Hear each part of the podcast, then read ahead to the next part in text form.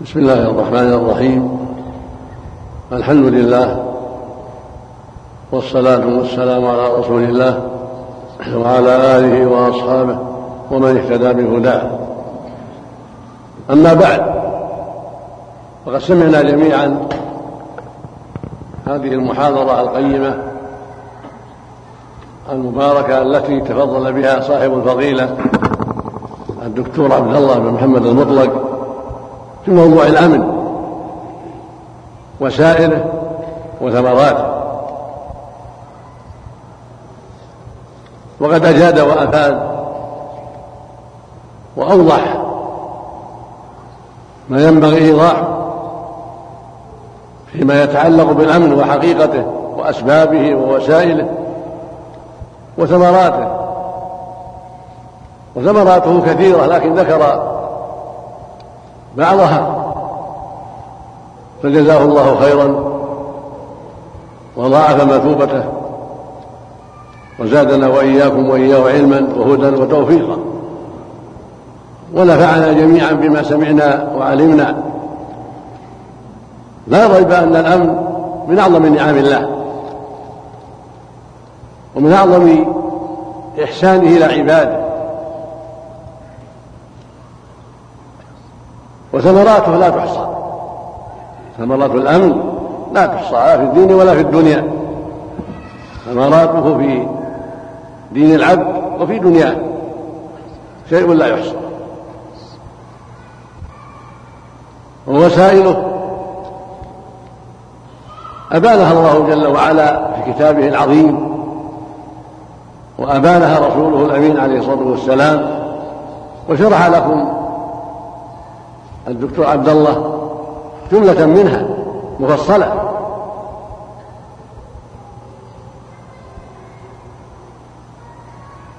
وجماع ذلك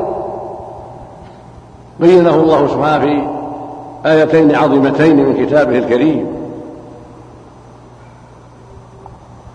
إحداهما قوله سبحانه الذين آمنوا ولم يلبسوا إيمانهم بظلم. أولئك لهم الأمن وهم مهتدون.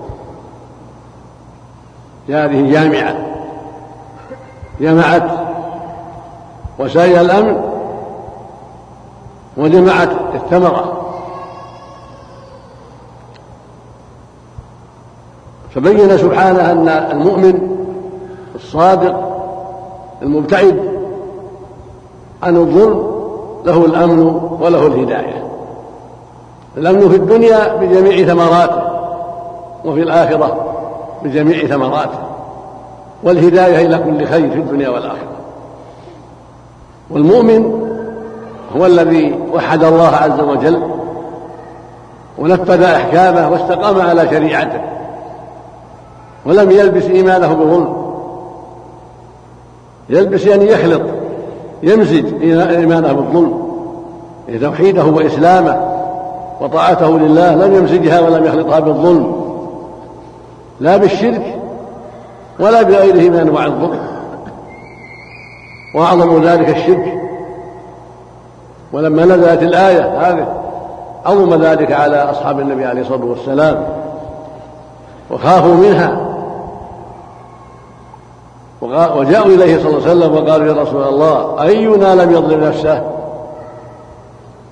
قال ليس الظلم الذي تعنون. إنما هو الشرك. ألم تسمعوا إلى قول العبد الصالح؟ إن الشرك لظلم عظيم. يعني لقمان. فسر له النبي صلى الله عليه وسلم الظلم بأعظمه وأكبره وأشده وأخطره وهو الشرك.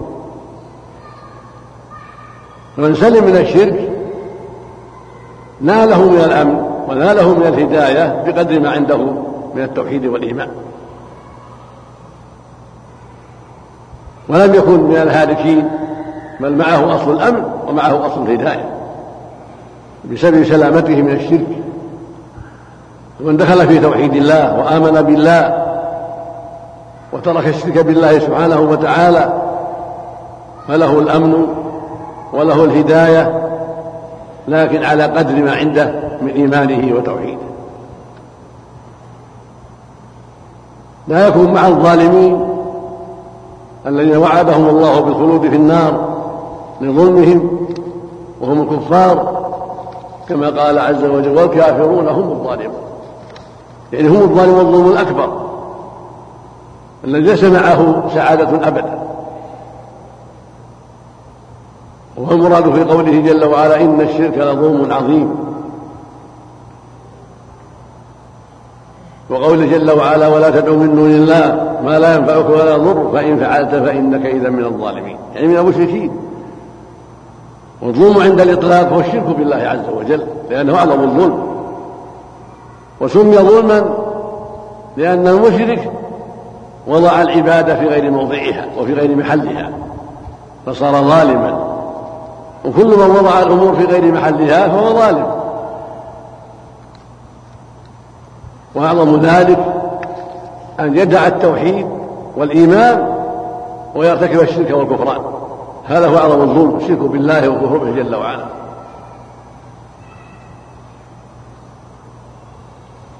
وهناك نوعان آخران من الظلم لكنهما دون الظلم الأكبر دون الشرك.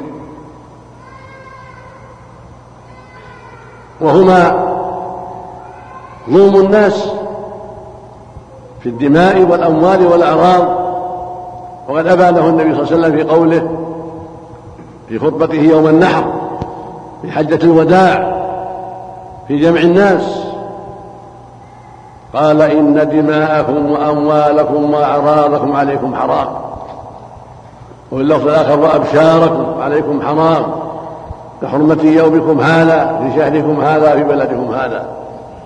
وقال ذلك أيضا في خطبته في عرفات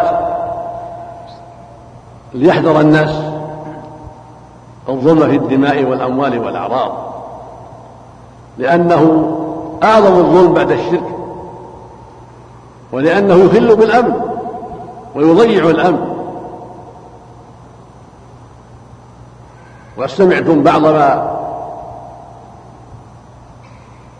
يخل بذلك في كلمة الدكتور عبد الله. فالقتل يسبب الفتنة وأن يقوم كل واحد بقتل من يريد. إذا لم تحفظ الدماء بالقصاص والعقوبات الرادعة تقاتل الناس. واختل الأمن. وصار كل قوي يقتل الضعيف عند أقل سبب ولا يبالي كما كان في الجاهلية. وذلك الأموال إذا لم تحترم فشل الأمن الخوف بين الناس واختل الأمن. هذا ينهبها وهذا يسرقها وهذا يخونها إلى غير ذلك. فتضيع الأموال وتقع الفتن والحروب. وهكذا الأعراض إذا لم يعاقب من انتهكها إذا ترك الناس ينتهكون الأعراض كذلك يختل الأمن وتعظم المصيبة. هذا يقذف فلان هذا يقول له هذا زنى ولا زنت ولا لاط وهكذا فتثور الفتن والفساد في الأرض وكل واحد يطلب الانتقام من الآخر. وهكذا إذا تعدي على الأموال والأعراض يفسد تفسد أحوال الناس ويختل أمنهم. ويشتغل بعضهم ببعض. فلا يستريحون ولا يتهنؤون بعيش ولا نوم.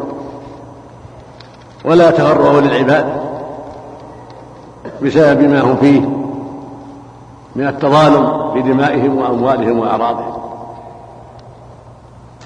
فالغيبة والنميمة والقذف والسب والشتم والخيانات والنهب للأموال والسرقة وأشبه ذلك كلها مما يخل بالأمن. كلها فساد في الأرض. وكل ذلك يفسد أحوال الناس ويختل أمنهم وتضيع حقوقهم. ولهذا قال عز وجل الذين آمنوا ولم يلبسوا إيمانهم بظلم أولئك لهم الأمن وهم مهتدون. فظلم الناس في دمائهم وأموالهم وأعراضهم شنيع وخطير ومضرته عظيمة بين المسلمين وإن كانوا مسلمين. لأن تعديهم لحدود الله وظلمهم لعباد الله يدل على ضعف الإيمان وضعف التوحيد وقلة الخوف من الله عز وجل. فلهذا أقدموا على ما حرم الله من سفك الدماء ومن هتك الأعراض ومن التعدي على الأموال بأنواع التعدي.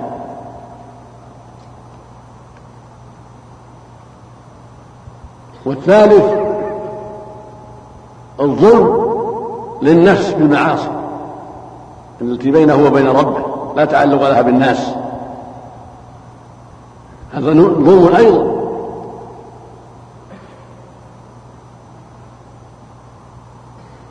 فوجب على المؤمن الذي وحد الله وآمن به وبرسله أن يحترم شرعه وأن يعظم حرماته. ذلك ومن يعظم حرمات الله فهو خير له ومن يعظم شعائر الله فإنها من تقوى القلوب. فإذا تعدى ووقع في محارم الله هذا نوع من الظلم الذي يخل بإيمانه ويضعف إيمانه ويحصل به من الفساد ما يحصل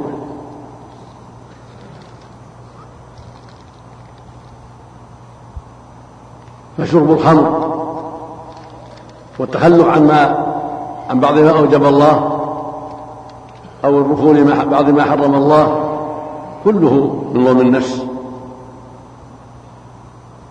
فإذا أقدم على شرب المسكرات على الزنا بالمطاوعات على كسب الحرام إلى غير هذا من أنواع الظلم لنفسه. فهذا أيضا ضعف في الإيمان وضعف في توحيد العبد وبذلك يختل الأمن فيما بين الناس لأن من ضعف إيمانه وأقدم على محارم الله لا يؤمن وتقع بأسباب أعماله فتن كثيرة.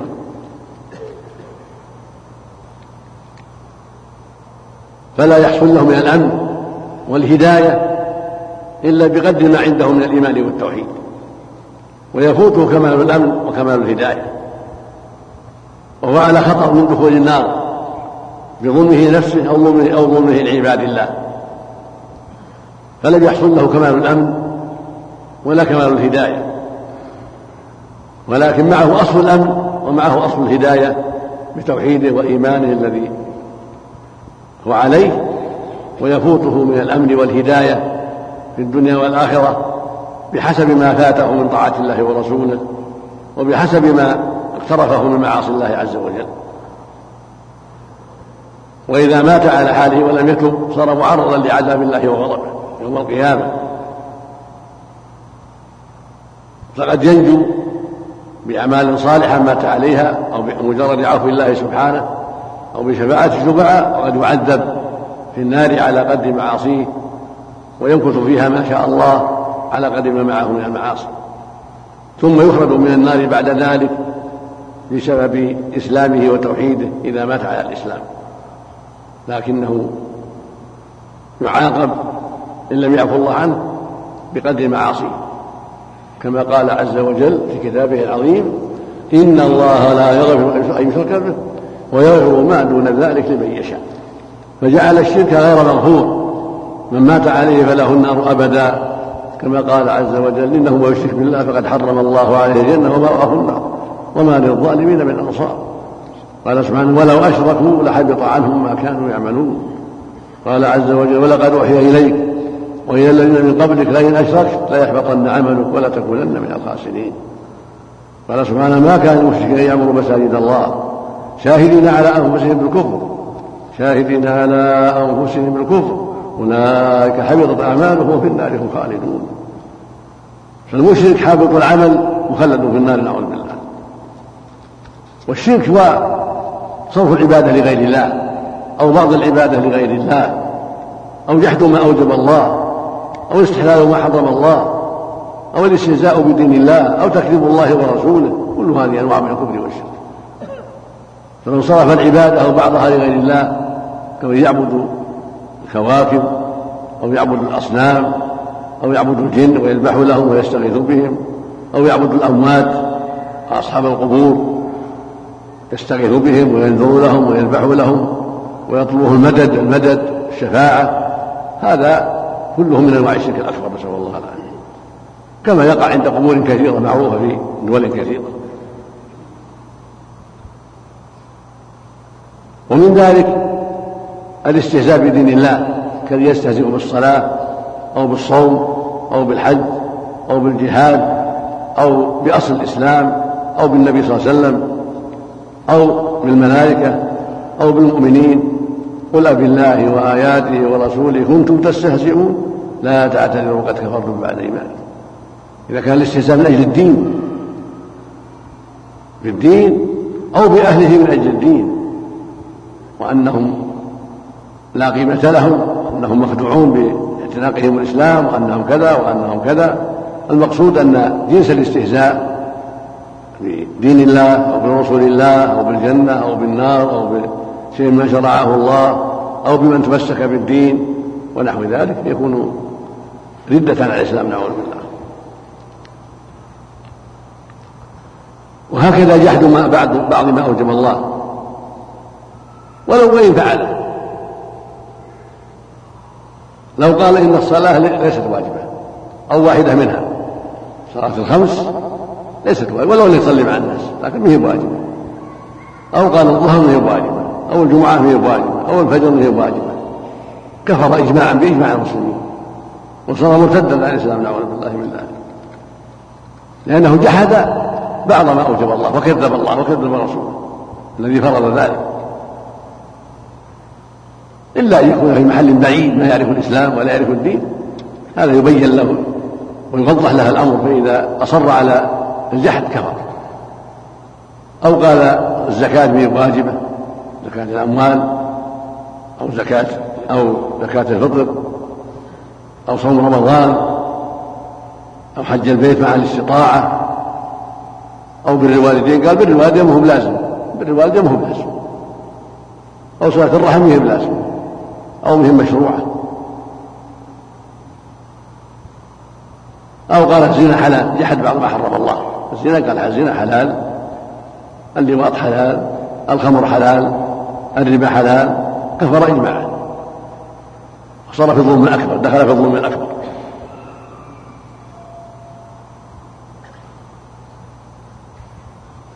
وقد ذكر العلماء هذا في باب حكم المرتد. وبينوا هذه الأمور في الباب سموه باب حكم المرتد وهو المسلم يكفر بعد اسلامه بشيء من أنواع الردة ونواقض الإسلام.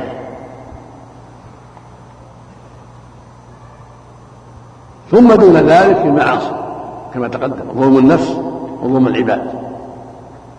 هذه المرتبة الثانية والثالثة. الثانية من الظلم ظلم العباد دمائهم وأموالهم وأعراضهم والثالث ظلم النفس. بالمعاصي ما لها تعلق بالناس فيما بينه وبين الله. يزني سرا بينه وبين الله مع من سر بذلك ولم يغصبها ولم يظلمها بل رضيت بذلك فبينه وبين الله. هذا منكر عظيم وفساد كبير وإن كانت راضية ليس لها أن ترضى وليس له أن يرضى. فهو, فهو زان ويستحق أن يقام عليه الحد. إن كان محصنا بالرجم وإن كان بكرا بجلد مئة وتأديب عام وإن كانت راضية وإن كان لم لم يجبرها ولم يظلمها. يعني لم يجبرها بالضرب أو التخفيف بل هي راضية منقادة. فهو زان وصاحب جريمة ويقام عليه الحد وهي كذلك ولو تراضوا على هذا.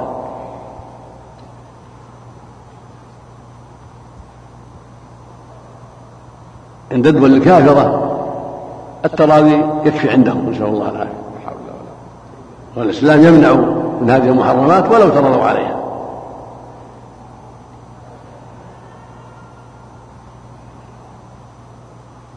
فالمقصود من هذا أن أنواع الظلم تقدح في الإيمان. فإن كان شركا أزال الإيمان بالكلية وبطل الإيمان بالكلية وصار صاحبه مخلدا في النار إذا مات عليه. وهذا هو الظلم الأكبر. والظلم الثاني ظلم العباد في دمائهم وأموالهم وأعراضهم هذا ينقص الإيمان ويضعف الإيمان على حسب حاله. كلما زاد الظلم في الدماء والأموال زاد النقص في الإيمان والضعف.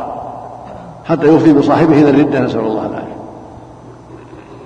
والظلم الثالث المعاصي التي ليس لها تعلق بظلم الناس في دمائهم وأموالهم وأعراضهم بل بل هي بينه وبين ربه من المعاصي.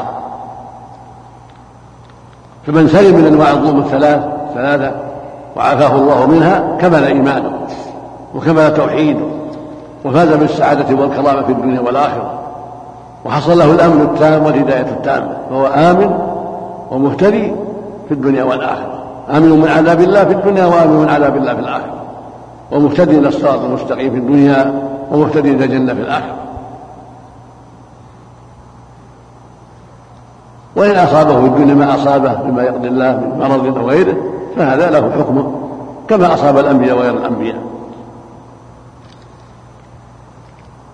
يرفع الله به الدرجات ويحط به الخطايا ويعظم به الحسنات. هكذا ما يصيب المؤمن. والآية الثانية قوله جل وعلا وعد الله الذين آمنوا منكم وعملوا الصالحات ليستخلفنهم في الأرض كما استخلف الذين قبلهم. وليمكن لهم دينهم الذي ارتضى لهم وليبدلنهم من بعد خوف من بعد خوفهم أمنا. يعبدونني لا يشركون بي شيئا. بين سبحانه أن العباد إذا آمنوا بالله ورسوله وعملوا الصالحات حصل لهم الأمن. حصل لهم الأمن والهدايه فإيمانهم بالله توحيدهم له وإخلاصهم له وإيمانهم بما أخبر به وتصديقهم لذلك.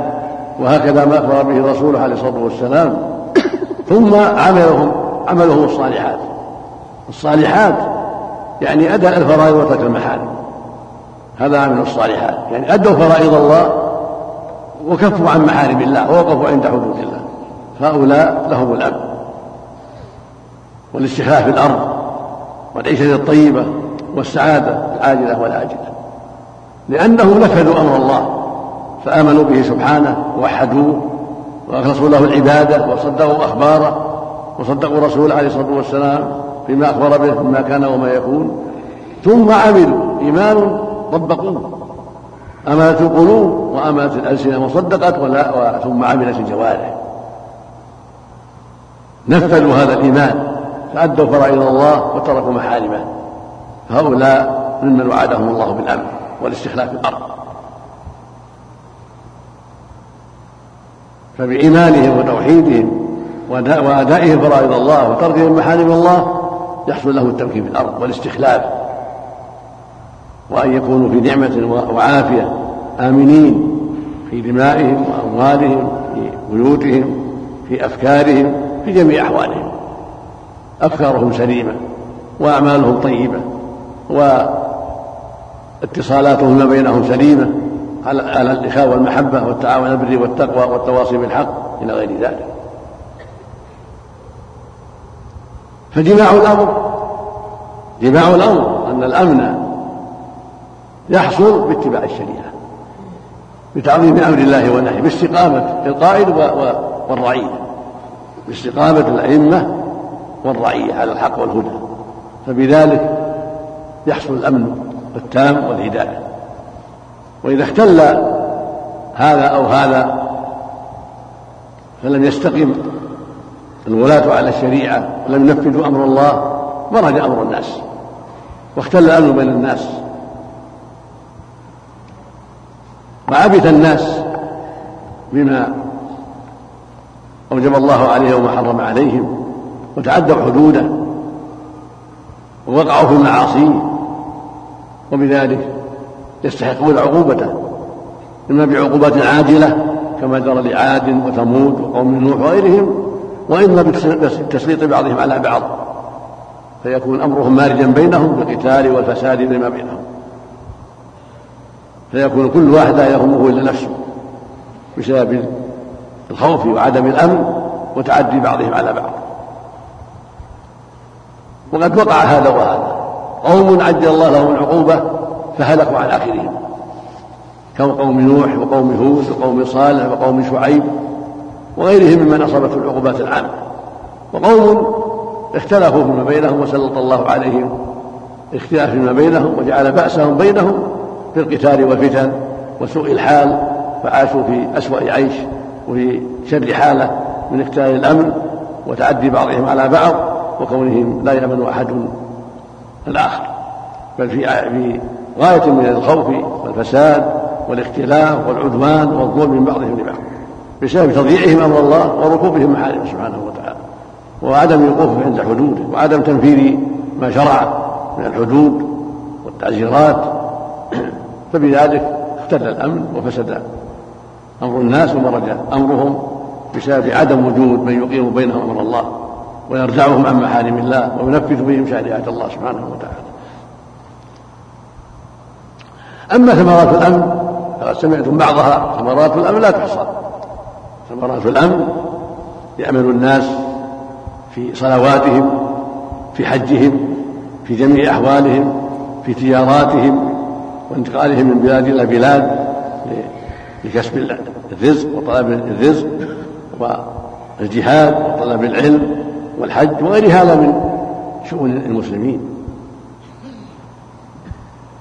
يتسع أمر الناس في بلادهم وينشرح لهم طريق الخير وطريق الهدى وأمور المعيشة فيتمكنون من أسباب الرزق وسعة العيش والإتصال بينهم والتعاون والتراحم والتعاطف لأنهم آمنون مطمئنون وبهذا تكثر ثرواتهم وتتسع بلادهم ويكثر نسلهم فيتمكنون من الزواج وتعاطي الأسباب النافعة والسفر إلى البلاد فيما بينهم لطلب الرزق والتعاون على الخير.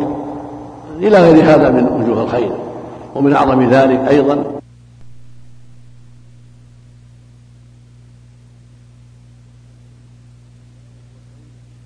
نشر العلم فتح المدارس كثرة المساجد وتنفيذ أوامر الله في من عصى أمر الله وقمع من خالف الحق وتنفيذ أمر الله في عباد الله فيتمكن ولاة الأمور من إنفاذ الحق وإقامة الحدود وردع المجرمين ويستتب الأمن في الطرقات كلها فيتمكن الناس من أداء ما أوجب الله ومن نشر دين الله ومن طلب الرزق في بلادهم وبلاد الأخرى التي يسارعون إليها فكل ذلك بأسباب الأمن بأسباب تنفيذ أمر الله وإقامة حدود الله ونشر ما أوجب الله. وعد الله الذين آمنوا منكم وعملوا الصالحات لا يستخلفنهم الأرض كما استخلف من قبلهم ولا يمكننهم دينهم الذي ارتضى لهم ولا يبدلنهم من بعد خوف امنا فالله يمكن لهم دينهم ويبدلهم امنا بعد خوف ويستخلفهم في الأرض. فيعيشون مطمئنين آمنين سعداء مرتاحين ثم ينتقلون من هذه النعمة إلى نعمة أكبر وهي دار الجنة والكرامة. ينتقلون من هذه النعم في الدنيا والأمن والراحة والرزق الحسن ورغد العيش والصلة فيما بينهم والتزاور والتراحم والتعاطف إلى ما هو أكبر وأفضل في جوار الله وفي دار كرامته سبحانه وتعالى. رزقنا الله وإياكم الاستقامة وأعاذنا وإياكم من أسباب الخزي والندامة. ووفق ولاة الأمور لكل ما فيه رضاه ولكل ما فيه صلاح العباد ووفق وأصلح لهم البطانة ووفق جميع المسلمين للتمسك بشريعته وتعظيمها والعمل بها وولى عليهم خيارهم وكفاهم شر شرارهم. وصلى الله وسلم على نبينا محمد وعلى آله وصحبه. لا حول ولا قوة إلا بالله.